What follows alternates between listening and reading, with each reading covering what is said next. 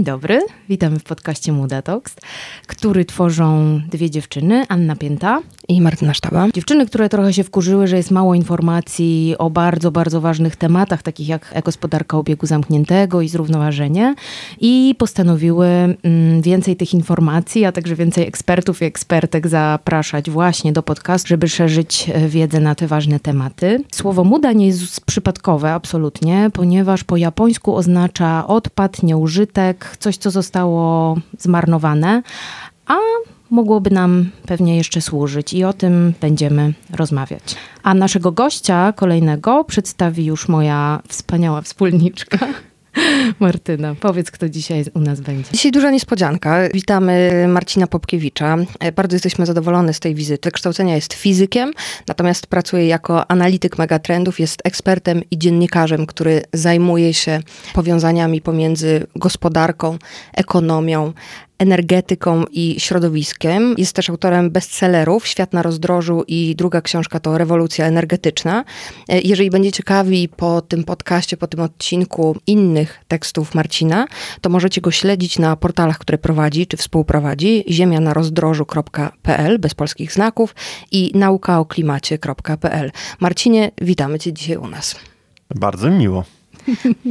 Ja muszę powiedzieć, że, bo już Martyna zrobiła wstęp, ale muszę dodać, że ogromnie się cieszymy, że tu jesteś, bo jesteś jedną z pierwszych osób, które we mnie zasiały ogromne takie ziarenko dużych wątpliwości na temat tego, w jakim kierunku zmierzamy. I też pierwszy raz trafił do mnie naukowy język, którego normalnie nie, jednak nie do końca każdy przeciętny człowiek lub człowiekini nie, nie do końca to przyswaja. To może zaczniemy od tego, już jak mówimy o tych podstawach, czym się różni klimat od pogody. Jak e, macie kostkę, taką zwykłą kostkę sześciościenną, umiecie przewidzieć wynik najbliższego rzutu? Co będzie za trzy rzuty? Wypadnie dwójka, piątka, wiecie? Nie wiecie. To jest losowe. A umiecie przewidzieć średnią z tysiąca rzutów? Tak w miarę dokładnie? No potraficie, nie? No więc pogoda to jest jak wynik rzutu kostką. To jest taka fluktuacja, naprawdę takie losowe, co będzie za parę dni. A klimat to jest średnia. To jest stan, którego oczekujemy. Jakie będzie średnia temperatura w lipcu na przykład, jakie będą średnie opady. E, no dlatego też dużo łatwiej jest przewidzieć klimat na długi okres do przodu, bo w tym razie przewidujemy średnią po prostu, a nie konkretną wartość. E, więc e, pytając się mnie, jaka będzie pogoda, nie wiem, 5 kwietnia 2020 roku, no to ja nie wiem, tak? Ale jak spytamy się, jaki klimat jest w Polsce w kwietniu, no to my wiemy. Też możemy zobaczyć, że się zmienia oczywiście. I to, że klimat się ociepla, nie znaczy, że nie ma zimnych dni. Mamy jakiś taki rozkład i od średniej czasem jest trochę cieplej, trochę czasem jest trochę zimniej. No i oczywiście pogodę mamy cały czas, tylko ta średnia też tam się przesuwa i to już nawet widać gołym okiem. No jestem z 1970 roku. W latach mojej młodości były trochę inne zimy. Śnieg leżał praktycznie całą zimę. Jak e, w listopadzie wylewaliśmy szlauchem lodowisko, no to można się na nim było ślizgać do lutego, jak nie do marca. Ten śnieg się kumulował, kumulował. Jak na wiosnę wreszcie się ocieplało i on stopniał, to szła wielka fala powodziowa, jak ta cała woda spływała tam Wisłą, Bugiem. Na tych rzekach to zimę narastała gruba kra i ta fala powodziowa niosła tą krę. Co roku w telewizji pokazywali, jak saperzy dynamitem wysadzają mosty, żeby nie zrywało tych mostów, a czasem i zrywało. No a teraz jakie mamy zimy? spadnie śnieg, to parę dni poleży, może parę naście, coś tam stopnieje, później znowu napada. Nie ma już tej fali powodziowej, na rzekach nie ma grubej kry, więc widać, że zmienił się klimat już na tyle wyraziście, że widzimy to jako zmiany pogody. Też w lecie, fale upałów. W latach mojej młodości w Polsce było mm, kilka dni upalnych powyżej 30 stopni z temperaturą maksymalną, no teraz jest ich już trzykrotnie więcej. Też widzimy, że tych fal upałów jest więcej, susze, które mm, kiedyś zdarzały się tak w mojej młodości raz na 5 lat z grubsza, teraz już co drugi rok, a w zasadzie teraz jeszcze wygląda, że coraz częściej się zdarza zdarzają.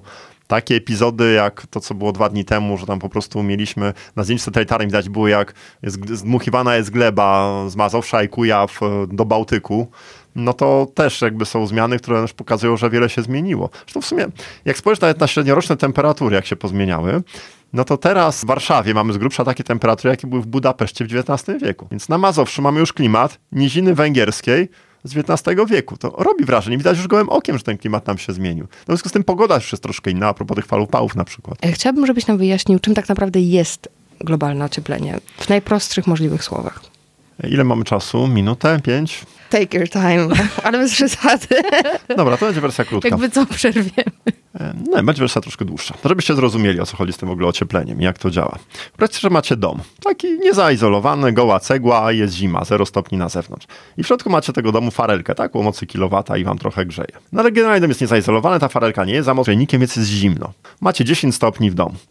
Lubicie, jak jest w waszym domu 10 stopni? Nie za bardzo. No nie za bardzo, prawda? Siecie w swetrze się trzęsiecie z zimna i klniecie. Ale w ogóle słuchajcie, jak to jest, że w domu jest stała temperatura? Temperatura jest miarą energii termicznej, czyli w domu jest stała ilość energii termicznej przy stałej temperaturze. A przecież dostarczamy energię w tempie kilowata. No więc jak ta energia w środku może być stała? No bo ucieka, tak? Przez ściany ciepło, tam przez okna. Jak dostarczamy kilowat, to ucieka ile? Tyle samo? Tyle samo? No brawo, no tyle samo. No. Mamy stacjonarny stan energetyczny. Dobra. Granie nie lubimy jak jest zimno, więc chcemy, żeby było cieplej. No to mamy granie dwie opcje. Albo podkręcimy tą farelkę, żeby tam, nie wiem, 2 kW nam generowała ciepła i już robi się fajnie. No tylko dopóki nie przyjdzie rachunek, prawda? Tylko, że dwa razy wyższy będzie. No albo można ocieplić dom.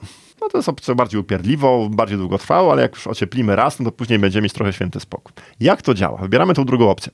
A w generalnie remont domu to jest taka upierdliwość, że jakaś ekipa budowlana coś kują, coś tam pylą, no w ogóle straszne. No zamówimy wersję premium, przyjdzie magik Gandalf, machnie różdżką i mamy ocieplony dom. Dobra, przyszedł magik, machnął różdżką i w sekundę nam ociep obłożyło dom styropianem, wymieniło okna, wełną mineralną. Czy przez grubszą izolację będzie uciekać tyle samo energii? No nie. Utrudnicie ucieczkę ciepła, ta izolacja. Czy dostarczacie kilowat, a ucieka mniej? Powiedzmy, że pół. I co się dzieje? Dostarczacie kilowat, ucieka pół, to znaczy, że trochę energii kumuluje się w domu. Więc w domu rośnie ilość energii termicznej, więc rośnie temperatura. I tak rośnie, rośnie, rośnie i co, w nieskończoność rośnie, aż wszystko się roztopi? No nie, oczywiście im wyższa temperatura, tym więcej ciepła będzie uciekać. Większa temperatur między domem, a tym, co na zewnątrz. Więc stabilizuje się znowu temperatura, powiedzmy przy 20 stopniach Celsjusza, znowu ucieka kilowat przez tą grubszą izolację. No i fajnie, mamy te same rachunki, a już w domu jest cieplej. Czemu o tym mówię? Bo nasz e, dom Ziemia działa bardzo podobnie. Naszym grzejnikiem jest Słońce. No i Słońce tam grubsza dostarcza taką samą ilość energii. No i w stacjonarnym stanie klimatycznym, jak klimat Ziemi się nie zmienia, to jak się ma ilość energii, którą Ziemia pochłania, do ilości energii, którą wypromieniowuje? Jak ilość energii w ziemskim stanie klimatycznym jest stała? No są sobie równe oczywiście. My dorzucamy do atmosfery gazów, które mają taką własność trochę jak szyba. Puszcza światło słoneczne, za to szyba nie przepuszcza podczerwieni, jest dla niej nieprzezroczysta po prostu. Tak jak na przykład mam czerwone szkiełko, no to przepuszcza światło czerwone, a niebieskiego nie przepuszcza. Tak samo szyba przepuszcza światło widzialne, a nie przepuszcza dalekiej podczerwieni. Jak mamy gazy, takie jak dwutlenek węgla, metan, para wodna, które przepuszczają światło widzialne bez problemu, za to są nieprzezroczyste dla dalekiej podczerwieni, którą Ziemia wypromieniowuje, bo Słońce świeci w świetle widzialnym, co widać, trochę tam w bliskiej podczerwieni, trochę w nadfiolecie, dzięki czemu się opalamy, a Ziemia otrzyma dużo niższą temperaturę od Słońca. Tak wy macie temperaturę tam 35 stopni, wasza skóra, otoczenie tam ma 20, kilkunastu stopni, to świeci w dalekiej podczerwieni. No i teraz, kiedy my dorzucimy tych gazów cieplarnianych do atmosfery, a dorzuciliśmy ich bardzo, ale to jest jakby już osobna opowieść, mamy teraz najwięcej dwutlenku węgla w atmosferze od kilku, a pewnie kilkunastu milionów lat. Nasza atmosfera teraz nie wypuszcza energii wypromieniowanej przez Ziemię. Co się stało w domu, kiedy my go obłożyliśmy styropianem? Prawda? Zrobiła się nierównowaga energetyczna. Mniej uciekało energii niż dostarczaliśmy, więc temperatura budynku w budynku zaczynała rosnąć. To samo dzieje się na naszej planecie. Ziemia pochłania tyle samo energii ze Słońca, za to utrudniliśmy ucieczkę ciepła z naszego domu Ziemi, no więc pojawiła się nierównowaga energetyczna. I teraz my to widzimy. Mamy satelity na orbicie, które tam sobie krążą i patrzą na promieniowanie, które wylatuje z Ziemi. Na różnych długościach fal to obserwują tam dzień po dniu, rok po roku. No i co widzimy? Widzimy, że z Ziemi ucieka mniej energii. I to na tych długościach fal, które pochłaniają gazy cieplarniane, których dorzuciliśmy w atmosferze. To jest trochę tak, jakbyście patrzyli na dom przez kamerę termowizyjną. Zima, nieocieplony budynek, to on świeci się na czerwono. No i przychodzi ma Gandalf, macha różdżką, pyk i dom jest obłożony grubym styropianem. I nagle zobaczymy, że jasność tego domu gwałtownie spadła, prawda? Już nie świeci tak jasno. To samo mamy tutaj. Satelity obserwują, że nasza planeta po prostu świeci mniej jasno. I teraz możemy posumować, ile tej energii mniej ucieka, przejrzeć to na waty na metr kwadratowy, czyli wiemy już, że jest nierównowaga energetyczna planety. I widzimy, że ona jest spowodowana tym, że jest grubsza izolacja gazów cieplarnianych. Widzimy to po długościach fal, które już nie uciekają tak z Ziemi. Czyli nasz dom powinien się ogrzewać no to możemy sprawdzić, jak on się ogrzewa. Energia może się gromadzić w różnych elementach ziemskiego systemu klimatycznego. W atmosferze może się podgrzewać powietrze, gleba może się ogrzewać, lądolody mogą topnieć, mogą też podgrzewać się oceany. I to oceany najłatwiej mogą zmagazynować dużą ilość ciepła. To jest 70% powierzchni Ziemi zajmują, mają olbrzymią pojemność termiczną, woda ma dużo ciepło właściwe, łatwo ciepło w głąb odprowadza. Jak tak policzyć, to 93% tej nierównowagi energetycznej trafia do oceanów i one się nagrzewają. Jakbyście mieli zrobić eksperyment, jak się nagrzewają oceany, jak byście to zrobili? E, oceany są trochę większe od wanny, prawda? Więc tam jeden termometr nie wystarcza, trzeba ich wziąć dużo więcej. Znaczy, no, oceany są głębokie, tak? Na różnych głębokościach mogą się różne rzeczy dziać. Więc bierzemy termometry, które drukują sobie na jakąś tam głębokość, iluś tam kilometrów, mierzą temperaturę po drodze, a jak się wynurzą, to satelity nadają, co zmierzyły. No i naukowcy wpadli na pomysł, że faktycznie możemy za pomocą termometrów zmierzyć, jak się zmienia temperatura oceanów, czyli ich energia termiczna. No i zrobili taką sieć pomiarową Argo. Tysiące takich autonomicznych boi, które drukują sobie na dużą głębokość, jak się wynurzą, nadają satelity, co tam zmierzyły. Więc wiem, jak się zmienia temperatura w oceanach, w różnych ich miejscach, na różnych głębokościach, dzień po dniu, rok po roku. Czyli możemy to łatwo przeliczyć w tym momencie, jak nagrzewają się oceany. I co mierzymy? Tutaj przeliczymy na grzałki. Oceany są duże, więc nasza grzałka, którą będziemy nagrzewać oceany, będzie duża. Naszą grzałką, punktem odniesienia, będzie bomba atomowa klasy Hiroshima. Tak, pff, widzicie ten grzyb atomowy. Tak? Jak sądzicie, jak często trzeba detonować taką bombę, żeby ocean nagrzewały się tak, jak to mierzymy? Bardzo często.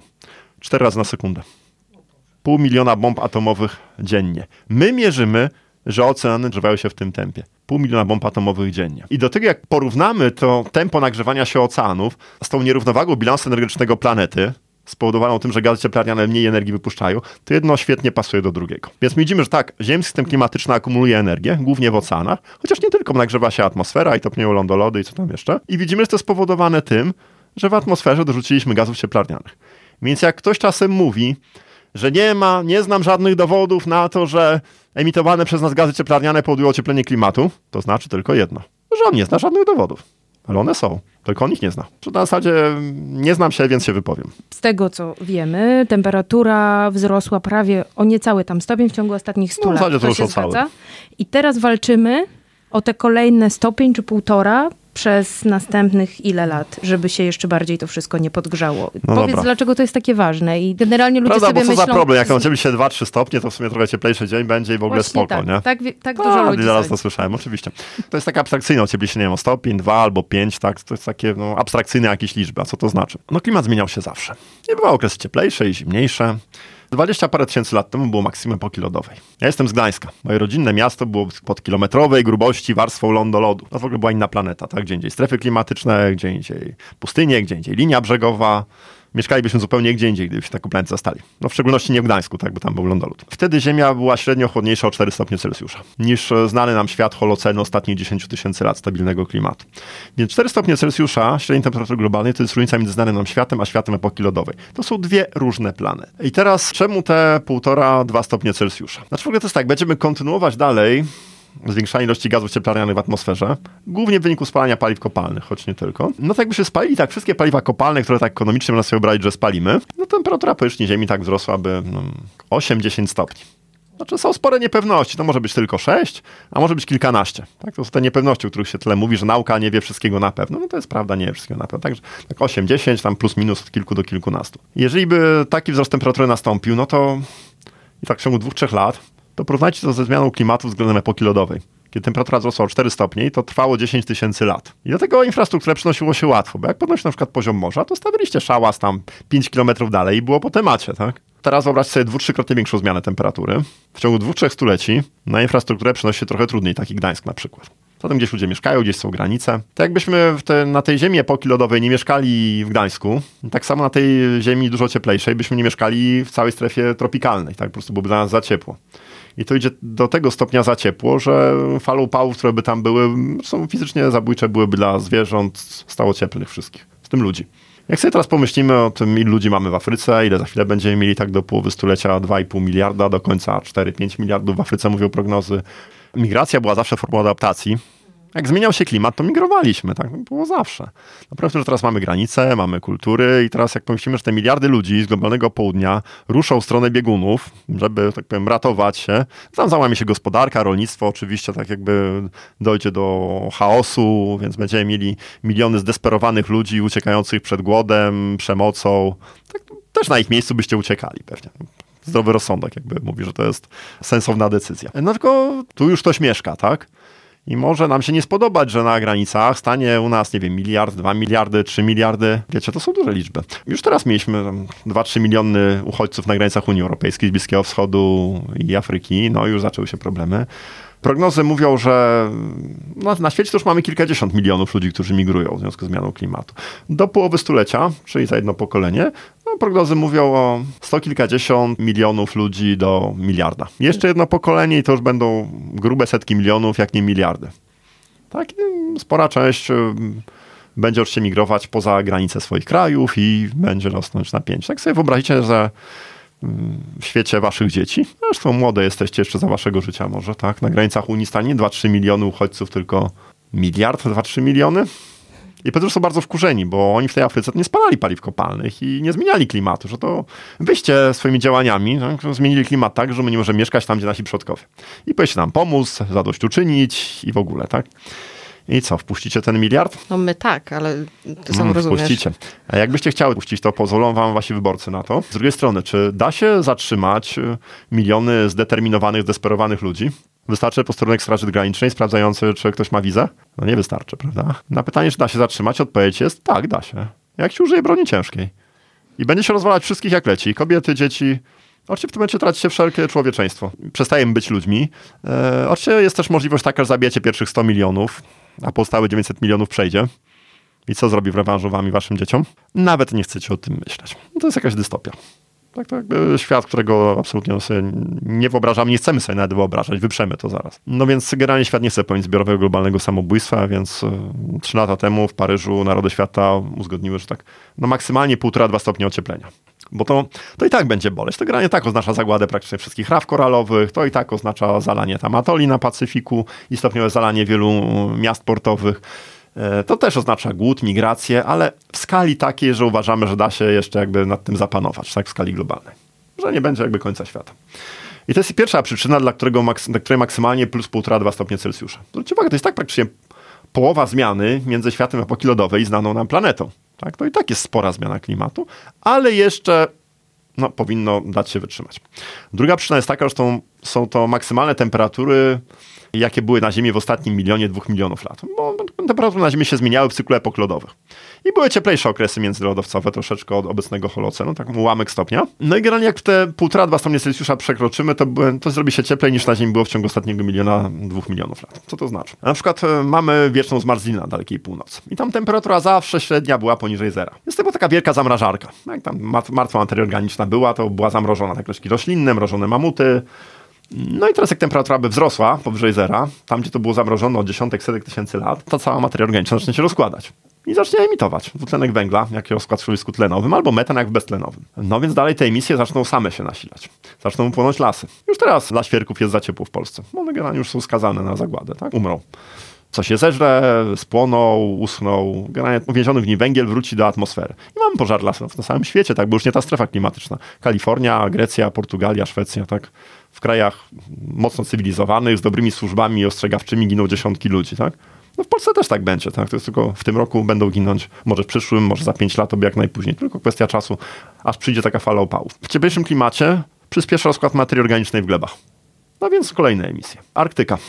Zwierciadło lodowe, lód, śnieg, które odbija światło słońca. Zrobi się cieplej, to stopnieje na obrzeżach. Zamiast zwierciadła mamy ciemną powierzchnię ziemi, morza, więc pochłonie więcej energii, to ciemne. No to się ociepli jeszcze bardziej, stopnie jeszcze więcej lodu śniegu.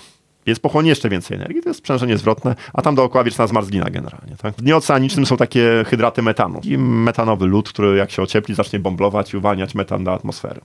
Może zatrzymać krążenie oceaniczne, które usuwa obecny dwutlenek węgla w głębiny oceanów. Jakby inne sprzężenia zwrotne, które spowodują, że nawet jakbyśmy wyłączyli nasze emisje, naturalne procesy będą emitować dalej i zmiana klimatu pójdzie dalej. Z dwóch stopni na trzy, na cztery. Nowe badania sprzed dwóch miesięcy na temat chmur na przykład pokazuje, że jak się ociepli te 4-5 stopni, to poznikają morskie stratokumulusy, takie pola białych chmur, które odbijały światło słońca.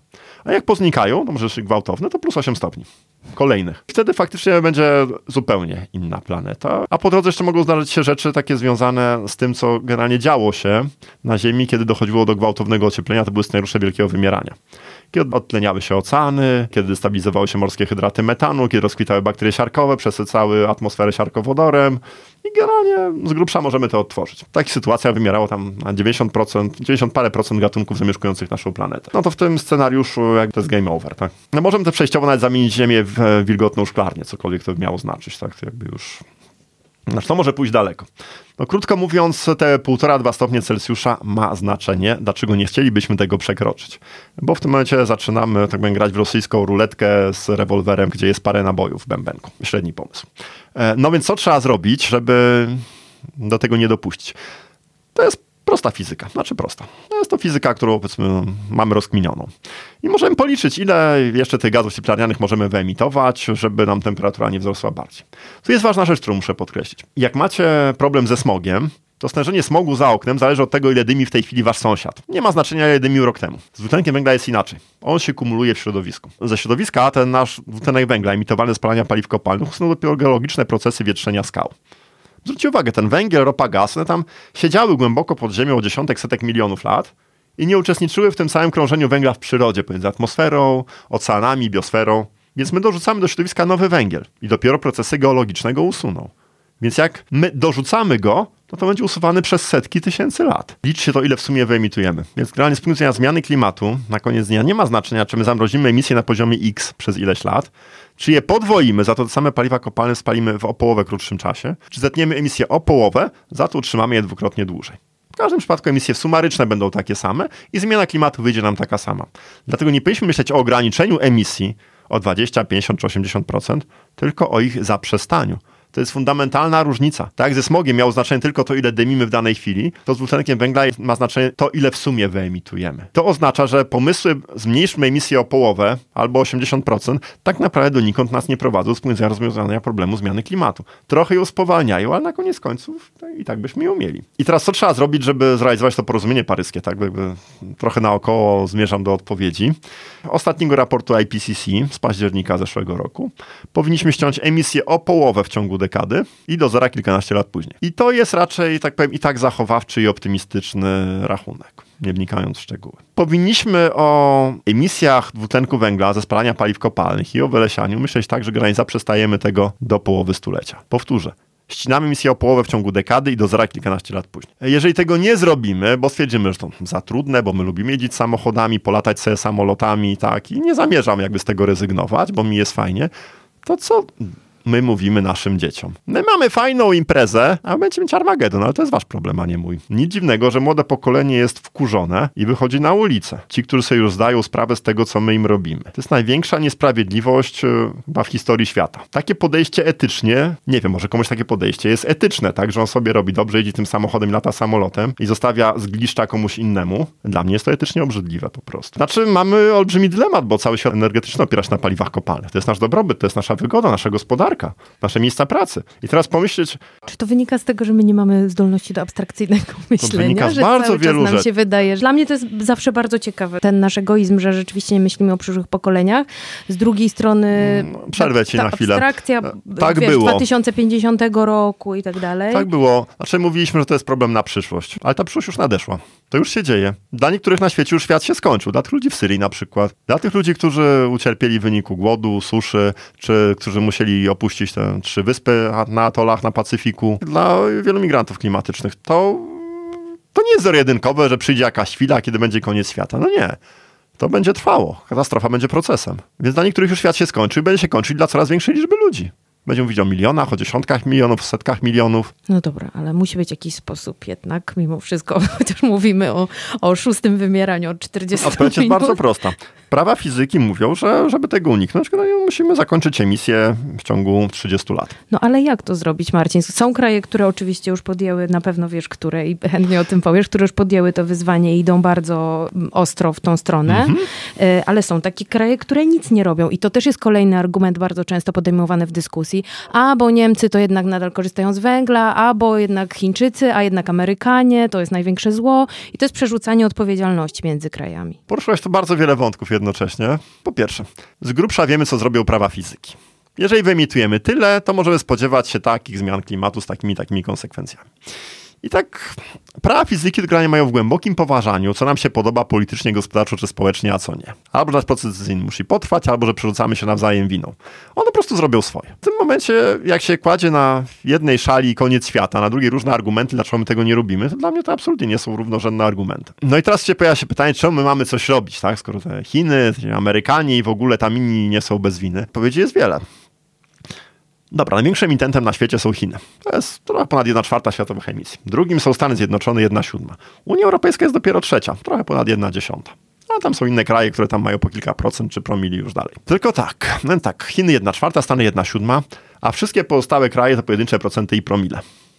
I teraz jak sobie tu uświadomić, te wszystkie kraje, które mają pojedyncze procenty i promile, to jest w sumie globa globalnie lwia część emisji. Jeżeli te wszystkie kraje sobie powiedzą, że sorry, od nas niewiele zależy, więc nic nie będziemy robić, to właśnie podpisaliśmy globalnie zbiorowy pakt samobójczy. Więc nie możemy tego powiedzieć, że my tylko pojedyncze procenty czy promile, tylko my też powinniśmy się w to włączyć. Oczywiście Chiny czy Ameryka też. Tak?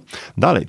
Jeżeli taki kraj jak Polska, który jest krajem Unii Europejskiej, krajem OECD, klub najbogatszych gospodarek światowych, mówi, że my no za biedni jesteśmy i my to nie możemy, jeszcze musimy się najpierw wzbogacić w ogóle, to jaki przekaz my wysyłamy tym miliardom ludzi na globalnym południu, w Indiach czy gdzie tam jeszcze, tak? Weźcie mieć na to już wszystko kompletnie wywalone, tak? My jesteśmy za biedni, no to wy to już w ogóle. No to znowu podpisaliśmy globalny zbiorowy pakt samobójczy. Poza tym to granie jest nasza odpowiedzialność. Jak policzyć nasze emisje skumulowane w Polsce, tak per capita, tak z grubsza no mamy, jesteśmy w czołówce jednak. Mieliśmy przemysł ciężki, oparty na węglu przez długi czas, więc mamy za uszami. W ogóle świat zachodu ma dużo za uszami, bo to granie, te skumulowane emisje dwutlenku węgla, no to Wielka Brytania, Ameryka, to świat zachodu jest rekordzistami. O ile Chiny emitują per capita z grubsza teraz tyle, co my, no to historyczna odpowiedzialność nasza jest wielokrotnie większa niż Chińczyków. A poza tym to wszyscy naśladują nasz sposób życia. Ten American lifestyle generalnie, tak? Ten domek na przedmieściach, te samochody, samoloty, więc jakby my rozpowszechniliśmy pewien model życia po świecie, no i to jest nasza odpowiedzialność, żeby coś z tym zrobić. Poza tym to my mamy środki, technologie, pieniądze, organizacje,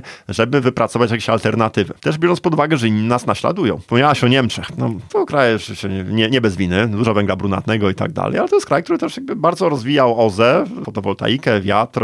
Kiedy technologie były drogie, prototypowe, w ogóle bez sensu i nieopłacalne, podobnie Duńczycy na przykład. Poszli w te technologie, e, no i w związku z tym pojawił się rynek na technologie, więc rozwinięto je, stały się tańsze, bardziej dostępne, doszedł efekt skali. Dzięki temu te technologie stały się teraz najtańszymi źródłami energii na świecie, wiatr i słońce. Gdy w swoim czasie te kraje, tak jak Niemcy czy Dania, nie poszły w stronę rozwijania tych prototypowych źródeł energii, byśmy nie byli w tym miejscu.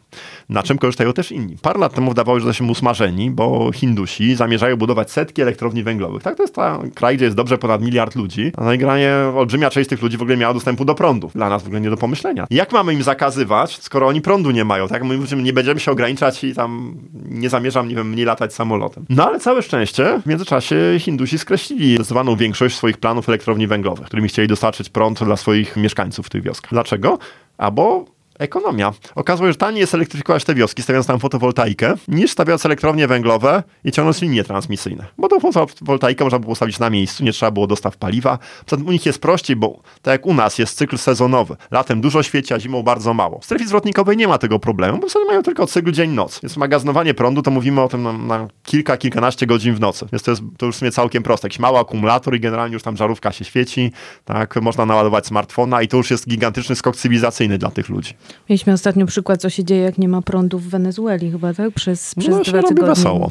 nie było prądu i w zasadzie padło zupełnie wszystko, a problem właśnie był stąd, że stare źródła y, energii po prostu się tam wyczerpują. Uświadom sobie, że pierwsze stoimy przed wyborem. Albo my na świecie zrobimy tą transformację i ocalejemy, albo jej nie zrobimy i wszyscy skończymy w czarnej zupie. Więc ten drugi scenariusz jest mało atrakcyjny. Ten pierwszy wygląda dużo lepiej i w obu tych scenariuszach warto tą transformację robić. Bo na czym transformacja miała polegać? No, często się pyta, jakie źródła energii w szczególności. To jest, to jest ważne pytanie, ale nie fundamentalne. Fundamentalne, czy wy potrzebujecie, nie wiem, ileś kilowatogodzin prądu albo gigajuli ciepła? Czy wy potrzebujecie usług energetycznych? Tego, żeby nam ten mikrofon działał, żeby zimą było ciepło i żeby mógł do kumpla dojechać na dobrze schłodzone piwo w lodówce. No granie potrzebuje usług energetycznych. I trik jest tym, że można mieć te usługi energetyczne, zużywając piero na mniej energii. Kilkukrotnie mniej energii. Znaczy tyle, że nie musimy stawiać gigantycznych ilości źródeł energii, cokolwiek, cokolwiek byśmy stawiali, czy mówimy o, nie wiem, kilometrach kwadratowych fotowoltaiki, czy ilości reaktorów, którą chcemy postawić, czy ilości, nie wiem, kilometrów kwadratowych biomasy na cele energetyczne, no nagle się okazuje, że musimy tego zrobić kilkukrotnie mniej, cokolwiek by to nie było. I takim receptą na to, to są takie obrazy, jak dom zeroenergetyczny, którego nie trzeba ogrzewać. Swoją drogą już dzisiaj ekonomicznie tańszy w budowie i eksploatacji niż, znaczy suma budowa plus eksploatacja niż dom konwencjonalny. To są miasta z transportem, takim jak Kopenhaga, gdzie ludzie rowerami i transportem miejskim. To są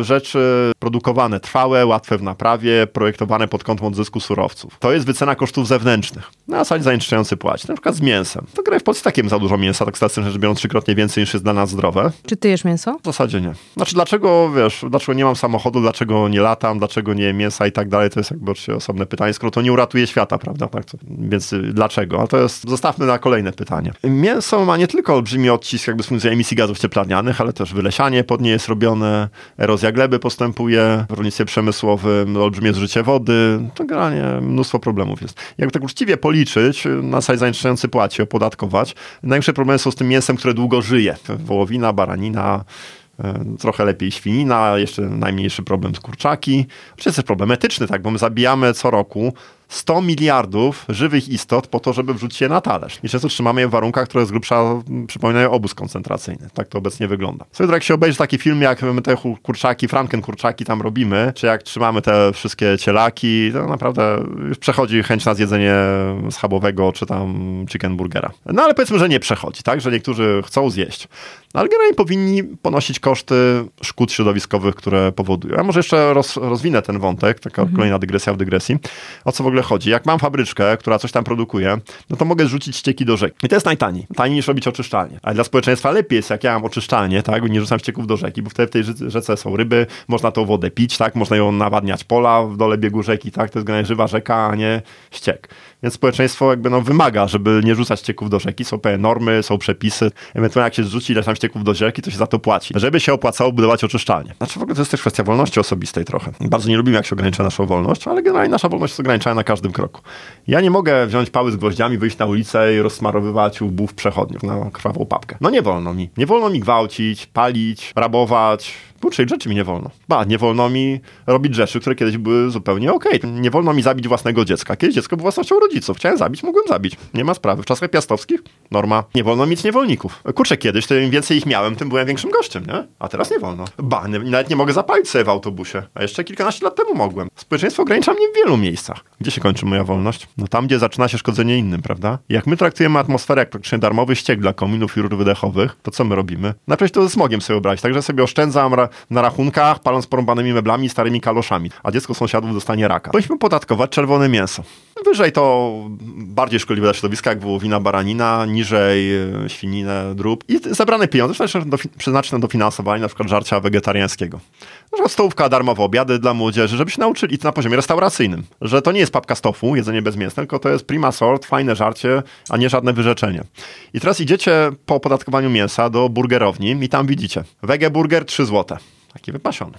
Chicken burger 8, pig burger 2 dychy. Beef burger, cztery dychy. Bierz co chcesz. Nikt ci nie zakazuje, tylko zapłać uczciwie za koszty środowiskowe związane z tym, z czym produkcja mięsa jest związana. I w ten sposób możemy zmieniać system. I teraz jak pomyślimy trochę, co trzeba było zrobić, tak, że domy, których nie trzeba ogrzewać, miasta jak Kopenhaga, dobry transport publiczny na prowincji, e, produkcja rzeczy trwałych, łatwych w naprawie, projektowanych pod odzysk surowców, opodatkowanie kosztów zewnętrznych, czy w jedzeniu mięsa, czy w lataniu samolotem. To wszystko może trochę jako jakieś wyrzeczenia, czy jako problem. Mogą być niezadowoleni mięsożercy, kierowcy, czy górnicy, ale nic z tego nie jest końcem świata. Alternatywą jest koniec świata. Gdy miałem powiedzieć za siebie, nawet wolę żyć w tym świecie, gdzie mamy domy, których nie trzeba ogrzewać, gdzie nie ma ubóstwa energetycznego i smogu, gdzie miasta jak Kopenhaga, są kurczę, te miasta, które minimalizują ruch samochodowy, a promują transport rowerowy i publiczny, to miasta, które wygrywają w wszelkich rankingach na jakość życia. Tak, Wiedeń, miasta skandynawskie, rzeczy, których nie trzeba naprawiać, mniej mięsa też dla nas zdrowe, naprawdę nic z tego nie jest jakimś końcem świata radykalnie zmniejszamy zużycie zasobów i energii. No więc e, podsumowując, czemu my mamy coś robić? Odpowiedź pierwsza jest taka, ponieważ jest to jedyna droga, żeby nie wpakować się w głębokie szambo. Po drugie, wcale nie jest to jakieś poważne wyrzeczenie. Po trzecie, jeszcze wzmacniamy naszą gospodarkę, bo stawiamy na rozwój przyszłościowych dziedzin i miejsc pracy. E, pompy ciepła, rekuperatory produkowane w Polsce, ładowarki, autobusy, pociągi, statki stawienia turbin wiatrowych, inwertery. To wszystko możemy produkować w Polsce, możemy być beneficjentem netto tej transformacji. Więc w trzech słowach, ratujemy świat, podnosimy jakość życia, jeszcze się na tym wzbogacamy. Były pytania też, dlaczego ja mam się wysilać, prawda? No to jest, e, no właśnie, po co? Ponieważ tam różne rzeczy robię, tak, minimalizuję swój odcisk środowiskowy. No pierwsze, dobrze się tym czuję. Jakby uważam, że nie jest nieetyczne robić inaczej. I faktycznie nie mógłbym spojrzeć w lustro, gdybym poleciał samolot. No i jakby jak myślę o tych zwierzakach, tak, które na talerz trafiają, to jakby też jakoś etycznie trochę wątpliwe. Zresztą swoją drogą też dobre dla mojego zdrowia. Jak jeżdżę rowerem, tym mniej mięsa, więc jakby nie, nie traktuję to jako wyrzeczenie. Mniej konsumuję, no to mniej wydaję, to mniej mogę zarabiać, tak? A jak, jak zarabiam tyle samo, to mam jakąś nadwyżkę, gra nie mam kredytów, też mi się z tym generalnie lepiej żyje. Zmiany indywidualne nie wystarczą, przynajmniej są zmiany systemowe. Ale my zmieniając siebie, po pierwsze przestajemy wypierać, bo my stojąc w obliczu dysonansu poznawczego, najchętniej byśmy go wyparli. Zapomnieli o zmianie klimatu, ześmieszkowali, jakoś tam rozładowali jakimś tam stwierdzeniem, a klimat zmieniał się zawsze, a nasze emisje tam nie mają znaczenia, a to słońca, to wulkana, bla, bla, bla. Tak, żebyśmy mogli wyprzeć. Kiedy staramy się redukować nasz odcisk środowiskowy, no my przestajemy wypierać. My zaczynamy też więcej rozumieć. Jesteśmy w stanie rozmawiać z innymi, przekonywać ich. Jesteśmy bardziej obywatelami świadomymi też konieczności transformacji. Jesteśmy wyborcami. A z tym granie każdy z nas lubi sobie robić dobrze. Jak jedziecie samochodem, to jakiej infrastruktury miejskiej chcecie? Jeszcze pa dwa pasy mi tu dorzućcie i wszędzie parkingi, nie? I za darmo chcę wszędzie wjeżdżać. A jedziecie rowerem po mieście albo chodzicie pieszo, to jakiej infrastruktury oczekujecie? No zupełnie innej, tak? To marzy wam się Kopenhaga, prawda? A wy jesteście wyborcami generalnie, będziecie głosować na tych polityków, którzy no, wam to dadzą. Tak samo jak głosujecie też swoimi pieniędzmi. Na co głosuję, jak kupuję tonę węgla do kopciucha, jak, kop, jak kupuję, nie wiem, tankuję swój samochód y, ropą z Rosji, jak kupuję steka, jak kupuję wycieczkę lotniczą, na co głosuję? Na wysokoemisyjny status quo. A jak kupuję sobie rower, instaluję fotowoltaikę, idę do wegańskiej knajpy, na co głosuję? Głosuje na zmiany, tak? Więc głosuje swoimi pieniędzmi. I też daje przykład innym. Na przykład bardzo mocnym statementem jest stwierdzenie tak jak Greta Thunberg, ja nie latam. To jest bardzo mocny statement dla rodziny, dla znajomych. Pokazujemy, że nie akceptujemy tego. Uważamy, że to jest tak słowo roku we Szwecji. Wiecie jakie było? Flixcam. Wstyd z powodu latania. Oni po prostu zdają sobie sprawę, że to jest destrukcyjne środowiskowo. I jeszcze drugie słowo temu towarzyszy, smyk flyga. To jest takie latanie ukradkiem. Polecam, żeby nikt się o tym nie dowiedział, będzie straszny obciach. I generalnie to jest tak, każde zmiany zaczynają się od jednostek. Na, jak w Polsce były procesy przeciwko komunie, lata 70-80. To zaczynało się pojedynczych akcji. A jak kończono, nie wiem, z niewolnictwem, z prawami kobiet, prawami Afrykanów e, w Ameryce, wychodziły jednostki, a później z jednostek były się dziesiątki, setki, tysiące i nagle szła fala, zmieniała się opinia społeczna. To samo teraz robią ruchy jak Extinction Rebellion. Tysiące ludzi wychodzą w Londynie na przykład, ponad tysiąc aresztowanych, czy młodzieżowy strajk dla klimatu, półtora miliona młodych ludzi wyszło na ulicę. Tak zaczyna się od jednostek, a później ruch nabiera tempa. Jak wy w tym uczestniczycie, jak zmieniacie siebie, w naturalny sposób jesteście zalążkiem tego ruchu i zarażacie innych. Od was zacznie to za chwilę będą, pójdą wasi przyjaciele, wasz kuzyn i z was się zrobi kolejne kilka, kilkanaście, kilkadziesiąt osób, które też pociągną sobą innych. I nastąpi nastąpi zmiana świadomości społecznej. I to jest chyba fundamentalne, bo zmiany systemowe nastąpią wtedy, kiedy politycy to uchwalą, tak, w jakimś tam Sejmie. No ale żeby to się zmieniło, to... Politycy to jest to ogniwo, które reaguje najpóźniej. Ale muszą tego chcieć ich wyborcy. No politycy zamawiają badania opinii publicznej i tak patrzą, co ludzie chcieliby usłyszeć i oni to powiedzą. No generalnie z grubsza tak to działa. No to jak ludzie powiedzą, że oni generalnie chcą tej transformacji energetycznej, no to politycy wiedzą, no dobra, to ja będę mówił, że też tego chcę, tak? Zresztą kurczę, politycy nie są desantu z Marsa, są z tego społeczeństwa, tak? Jak jest konsensus w społeczeństwie, a w wielu krajach jest, od lewaka do prawaka, że chcą robić tą transformację energetyczną, no to siły polityczne też stwierdzają od lewa do prawa, wszystkie co do jednej w wielu krajach, że my chcemy robić tą transformację energetyczną. No bo to i, i trzeba chronić klimat i etyczne i pozbywamy się smogu i pozbywamy się ubóstwa energetycznego i przestajemy importować ropę, gaz z Rosji za kupę kasy i tworzymy lokalne miejsca pracy i generalnie podnosimy jakość życia i w ogóle to ma tyle plusów, że w sumie weźmy to róbmy, jesteśmy przekonani, że to jest dobra polityka dla naszego kraju. Zaczynając od siebie, my zaczynamy zmieniać system. System nie zmieni się, jeżeli ludzie, niektórzy przynajmniej nie zaczną od siebie. Dlatego robię to, co robię, zarażam innych i wiem, że już wielu zaraziłem. To, to, to jest też wasza robota. To prawda. Potwierdzasz? Y, to totalnie potwierdzam, absolutnie Marcin. Myślę, że powinniśmy cię tu zapraszać przynajmniej raz w miesiącu i cały czas na ten temat wszystkie i to wszystko, co wiesz, by się nie wyczerpało. Ale powiedz jak na koniec, może to jest takie stałe pytanie, które wszystkim zadajemy. Jak w kontekście jednak tych zmian, ale też tej nadziei, o której mówisz, o młodych ludziach, o tym, że można się zarażać tą zmianą świata, jak ty widzisz ten świat w 2050 roku, czyli za mniej więcej 30 lat? Wiesz, są scenariusze. Ile tak. ty będziesz miał lat wtedy? 80, jak dożyję. Ale właśnie nie scenariusze, pytamy o twoje prywatne zdanie. Jak tobie się wydaje, że będzie wyglądał świat? Ja jestem naukowcem, ja podchodzę do tego na zasadzie jednak scenariuszy. Tak samo jak masz scenariusze emisji. Albo biznes jak zwykle, albo wiesz, realizację porozumienia paryskiego, to jakieś tam scenariusze To pośrednie. który tak? ci się wydaje najbardziej prawdopodobny? Pewnie gdzieś po środku. Znaczy to jest tak, będzie boleć, żeby było jasne. Za długo zwlekaliśmy z działaniami, żeby nie bolało. Nawet jakbyśmy zrealizowali porozumienie paryskie, to będzie boleć. My teraz walczymy o to, żeby bolało mniej po prostu. To nie jest zero-jedynkowe, że z jednej strony jest jakaś tam utopia i wieczna szczęśliwość, a z drugiej strony jest Mad Max. Znaczy gdzieś tam z dwóch stron są, tak, ale pośrodku jest pewne kontinuum i gdzie w to kontinuum celujemy, nie wiem. Teraz generalnie walczymy o to, żeby było mniej źle. Bo będzie źle. Jak wspomniałem, dla wielu ludzi świat już się skończył. Dla wielu się skończy. Zderzenie z ścianą będzie.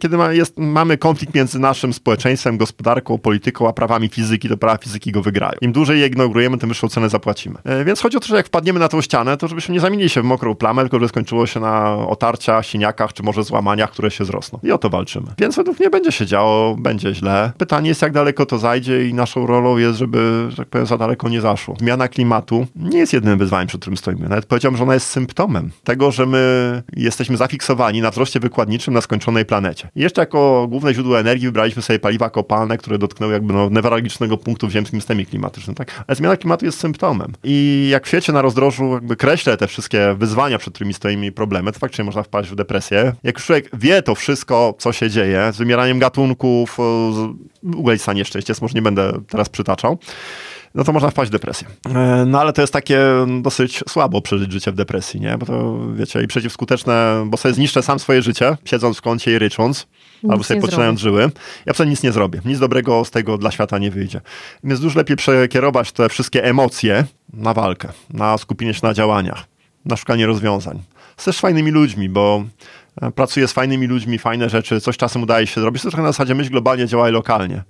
I widzę, że jakby do wielu ludzi to dociera, że, że też zaczyna się zmieniać świadomość społeczna, bo jak nie wiem, jeszcze 5 czy 10 lat temu, jak były szczyty klimatyczne w Poznaniu, w Warszawie, to był betonowy mur węglowy po prostu. To już to się zmieniło w Katowicach, już teraz mówi się o tym w mediach, już wielu polityków e, mówi o dacie odejścia od węgla, więc widać, że te zmiany są i dokładam tego swoją cegiełkę, tak, buduję pewną katedrę i ja też w tym uczestniczę, tak, i wy również. E, No więc dużo lepiej skupić się na działaniach, e, bo jakby no, unikamy tego toksycznego piekła, a fokusujemy się na na robieniu tego, co dobre, z czym się czujemy dobrze i co daje też szansę na to, że dołączą też inni i że w sumie jakoś tam zmienimy ten kurs, że nie zamienimy się w tą mokrą plamę, a skończy się na złamaniach, które się zrosną. Tak? A poza tym, to jest tak jeszcze jeden argument. Od kiedy Polska wstąpiła do Unii Europejskiej, do NATO, to jaki jest nasz cel tak naprawdę? Taki strategiczny. Czego my chcemy? Do końca nie wiem, prawda? Co, jeszcze kupić sobie większy samochód, tam nie wiem, polecieć na wycieczkę w dalsze strony, więcej zarobić? Nie, no fajnie, tak? Tylko jako cel życiowy, takie kurczę, to, to życie przepływa przez palce, nie? Tutaj mamy coś wielkiego, coś większego od nas. Mamy wyzwanie, wielką walkę, w której możemy uczestniczyć i się włączyć w coś, gdzie tak to daje sens życia, tak? Czujemy, że wpływamy na losy świata. I i to jest coś, czemu warto się poświęcić. Podziwiam to, bo to jest e, pierwszy raz, kiedy słyszę, że to, że ktoś wpływa na losy świata i że zmienia tą rzeczywistość, Wiesz, na swoją drobną daje skalę. siłę, a nie przerasta. Wiesz, na drobną więc... skalę. Znaczy, wiesz, ja też nie oczekuję, że ja zmienię świat, tak? Ja, wiesz, buduję tą katedrę cegła po cegle z innymi. Wiesz, z wami, z Gretą Thunberg, z wieloma innymi ludźmi dobrej woli. E, No i jakby, wiesz, no, cóż pozostaje robić, tak? budować dalej po prostu Dokładnie. z tych małych cegiełek nową, lepszą przyszłość. Zabrzmiało to dosyć socjalistycznie, ale, ale nie wiem, no to jest też jedyne, co mi daje nadzieję, czyli małe cegiełki połączone w dużą, dobrą jakość. Marcinie, bardzo dziękujemy. Bardzo dziękujemy, naprawdę. Do zobaczenia Dzięki. i do usłyszenia. Niech planeta będzie z nami.